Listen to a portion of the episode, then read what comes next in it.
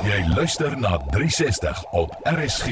En ons besoek weer die Eiffeltoring vandag met verskeie stories in die nuus die afgelope tyd. Hmm, Martlies, jy weet gister het ek gesê jy moet jou huiswerk doen.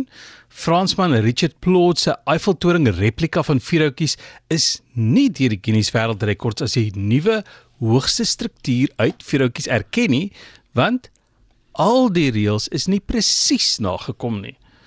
Maar 'n dag en 'n Guinness later, jy weet, 30% is genoeg vir matriek. So amper daar is deesdae daar. Ag jaar se harde werk tel toe tog vir iets. Daar is besluit, die hoogste is inderdaad die hoogste en die nuwe rekord is gister toe wel aan hom toegeken. Maar gepraat van die Franse en hulle Eiffeltoring. Die Franse maak garage skoon.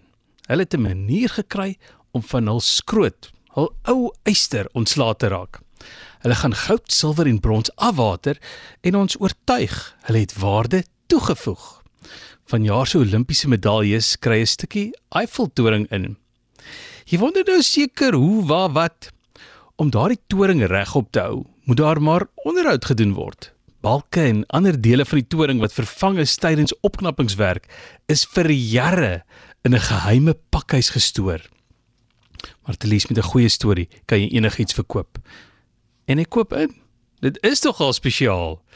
Om seker te maak jy onthou hoe spesiaal jou Olimpiese medalje is, is daar op die agterkant van die medalje 'n afbeelding van Nike, die Griekse godin van oorwinning wat hardloop. In die agtergrond is die Akropolis en die Eiffeltoring. Op die Paralimpiese medalje sien jy die Eiffeltoring van onder en die skrif is Braille. Nog 'n Fransman se handewerk. Die Eiffelyster is 'n seshoekige insetsel in die middel van die medaljes. Mag 'n paar van daardie souvenirs tog in Suid-Afrikaners se vertoonkaste kom skitter.